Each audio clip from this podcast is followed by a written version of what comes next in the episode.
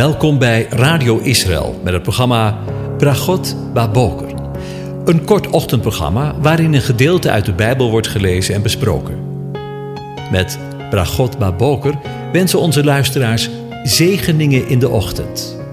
Presentator is Kees van de Vlist.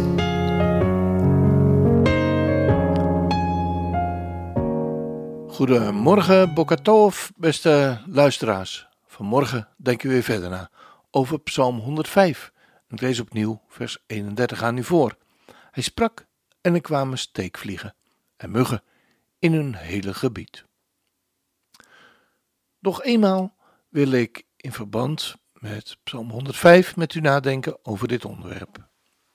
Want een ander facet van de mug is het beeld van tijdelijkheid en vergankelijkheid. Zo zien we dat het opgejaagde en afgematte volk van Israël door de profeet bemoedigd wordt en wordt toegesproken, zoals we lezen in Jesaja 51, vers 6. Hij roept de mensen op aandachtig grond te zien. Sla uw ogen op naar de hemel en dan schouw de aarde beneden, want de hemel zal verdwijnen als rook, de aarde zal verslijten als een kleed. Als muggen zullen haar inwoners sterven. De hemel zal verdwijnen als rook, de aarde verslijten als een kleed. En we zien het vandaag de dag om ons heen plaatsvinden. Duurzaamheid lijkt vandaag het toverwoord te zijn. Maar we zullen ons moeten realiseren dat deze hemel en aarde niet duurzaam zijn, maar eenmaal voorbij zullen gaan. En in het licht van Gods eeuwigheid is alle vlees als gras. En al de heerlijkheid van de mens is als een bloem in het gras. Maar het woord van de Heere blijft tot in eeuwigheid. Lezen we in 1 Petrus 1, vers 24 en 25. Die opkomt en een korte tijd sterft. Het leven is een handbreed gesteld. We zijn mensen van de dag. Eendagsvliegen. Is er dan geen hoop? Jawel, want die vergankelijkheid staat in een bepaald perspectief, namelijk het perspectief van Gods gerechtigheid en onuitsprekelijke genade, die duurzaamheid is en uitstijgt boven de komende en de gaande geslachten. De schrijver van een boek Prediker hanteert de vlieg als metafoor voor dwaasheid, wanneer hij zegt dat dode en giftige vliegen de zalf van de apotheker bederven zoals we lezen in Prediker 10, vers 1. Hij bedoelt, als iemand te midden van het goede iets slechts naar voren brengt, of als iemand rond wijze uitspraken een dwaze opmerking maakt, beïnvloedt dat het geheel. Sterker, het goede en wijze kan door zo'n dwaasheid, hoe klein ook, worden kapot gemaakt. Het is zoals met de vlieg die terechtkomt in de helende zalf. De hele zalf wordt erdoor verziekt. In een felle uitspraak naar de godsdienstige leiders van zijn dagen gebruikt Jezus, Yeshua, een treffende uitspraak. Gij blinde wegwijzers, die de mug uitzift en de kameel doorzwelgt. Zoals we lezen in Matthäus 23, vers 24. Hij bedoelt jullie zevende mug nauwgezet uit jullie drinken, maar de kameel, die slikken jullie door. De mug staat voor het onbelangrijke, de kameel voor het belangrijke in het leven. De leiders van Israël waarderen voornamelijk de details, maar voor het wezenlijke hebben ze niet echt aandacht. Het kan ook voorkomen dat het kleine en grote evenwichtig is, omdat beide hetzelfde beogen, zoals in de Talmud, waar Rabbi Eliezer zegt: Wie een luis op Shabbat doodt, is als iemand die een kameel doodt, want doden is doden. De flow is het beeld van het onaanzienlijke. David, op de vlucht voor koning Saul, vergelijkt zichzelf met respectievelijk een dode hond en één flow.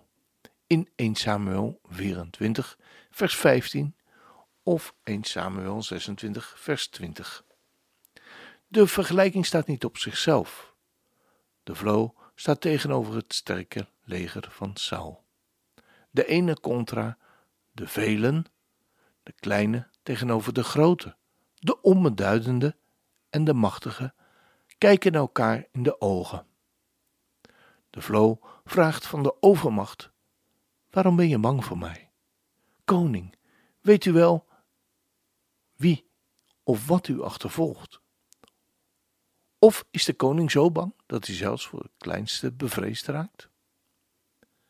De bloedzuiger in Spreuken 30, vers 15 is symbool van begeerte. Bloedzuigers hechten zich aan de huid van mens en dier, zuigen zich vol bloed en laten bij verzadiging pas los. De dubbele imperatief geef, geef correspondeert met het tweeledige en tweeduidige delige zuigorgaan, de twee dochters genoemd. Het geheel benadrukt de begeerigheid. Deze ervaring uit de natuur verheft de wijsheidsleraar tot een beeld van het menselijk bestaan, dat zich zo vaak laat beheersen door de hang naar meer en meer en meer. Om de nutteloosheid en gewelddadigheid van de goddeloze levenshouding te schetsen, gebruikt de profeet het beeld van de slang en het spinnenweb in Jesaja 59, vers 5 en 6. Deze beelden staan in een aanklacht tegen Israëls ontrouw. Het spinnenweb is de buitenkant en van de buitenkant een prachtig weefsel. Maar niemand kan er zich mee kleden. Het heeft geen nut. Bovendien blijkt het web levensgevaarlijk te zijn, uiteindelijk dodelijk voor wie erin verstrikt raakt. Het wijsheidsboek Job sluit aan bij deze gedachtegang, met het accent op de vergankelijkheid in Job 8 vers 14 en 27 vers 18. Bildad, de vriend van Job, vergelijkt de basis van de goddeloze met een spinnenweb, met een stukje rag van het web. Zijn bezit, zijn contacten, zijn streven, het houdt geen stand, omdat de basis niet ligt in het vertrouwen op God. Op het eerste gezicht lijkt het allemaal mooi, wat hem te deel valt. Maar het houdt geen stand, net zo min als het huis van de spin onvergankelijk is. En daarmee zijn we weer bij het moraal van het verhaal van de muggen, de luizen, de bloedzuigers, die er niet alleen waren in de tijd van de plagen van Egypte, maar eveneens in de tijd waarin wij leven. Geef, geef, geef. Om de nutteloosheid, de gewelddadigheid van de goddeloze levenshouding, van ook de huidige tijd waarin de mensheid momenteel leeft, te schetsen, past eveneens het door de profeet geschetste beeld van de slang en het spinnenweb. Maar nu niet uitsluitend in de aanklacht tegen Israëls trouw, maar groter en meer manifest, de hele aarde. Ook in onze tijd is het spinnenweb waarin wij als mensheid terechtgekomen zijn heel mooi. Maar niemand kan er zich mee kleden. Het heeft ook geen nut. Bovendien blijkt het web levensgevaarlijk te zijn. Uiteindelijk dodelijk voor wie erin verstrikt raakt. Job sluit bij deze gedachtegang aan, met het accent op de vergankelijkheid. Ons bezit, onze contacten, onze contracten, onze kennis, onze vrienden, al of niet op social media. Ons streven, het houdt geen stand, omdat de basis niet ligt in het vertrouwen op God. Op het eerste gezicht lijkt het allemaal mooi, wat ons ten deel valt. Maar het houdt geen stand, net zo min als het huis van de spin onvergankelijk is. Dat is wat ik zie in de tijd waarin ik leef. En dat is de tijd waarin ik lees in het boek Openbaring. Is er dan geen hoop? Jawel. Want die vergankelijkheid staat in een bepaald perspectief, namelijk het perspectief van Gods gerechtigheid en onuitsprekelijke genade, die duurzaam is en uitstijgt boven de komende en de gaande geslachten. Als dat geen zegen is. Hoop is tikva in het Hebreeuws. Daarom dit lied van morgen. I think we should sing this. Let's try this.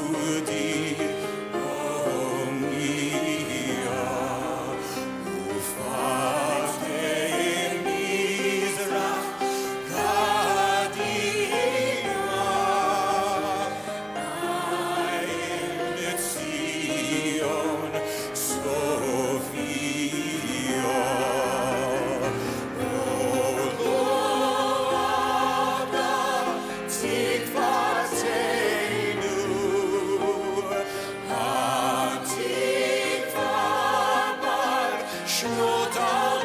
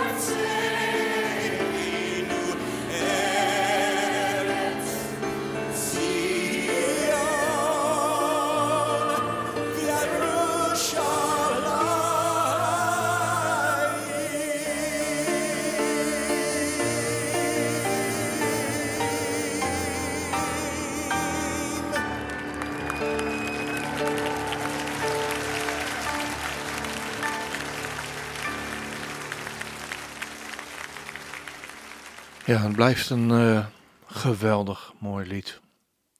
Het Hatikva. Waarin mensen ook eh, de gaskammers ingingen in de jaren 40, 45. Vol van hoop. Ongelooflijk.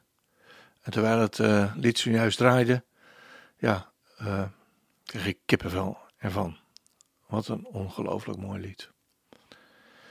Ehm, ja, dan eh, sluiten we ook deze uitzending weer af met u God zegen toe te wensen, ook voor vandaag. Ik weet niet hoe uw situatie is, maar er is altijd hoop. Want God geeft dat mee in zijn naam. We noemen hem JHWH. Sommigen die zeggen daarmee Yahweh.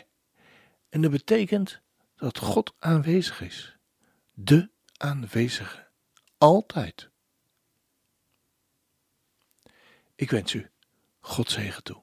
De Heer zegene en hij behoedt u.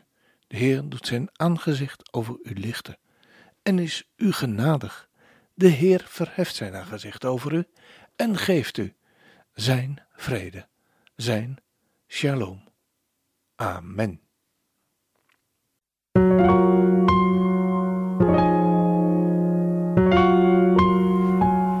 U hebt geluisterd naar het programma Bragot Baboker.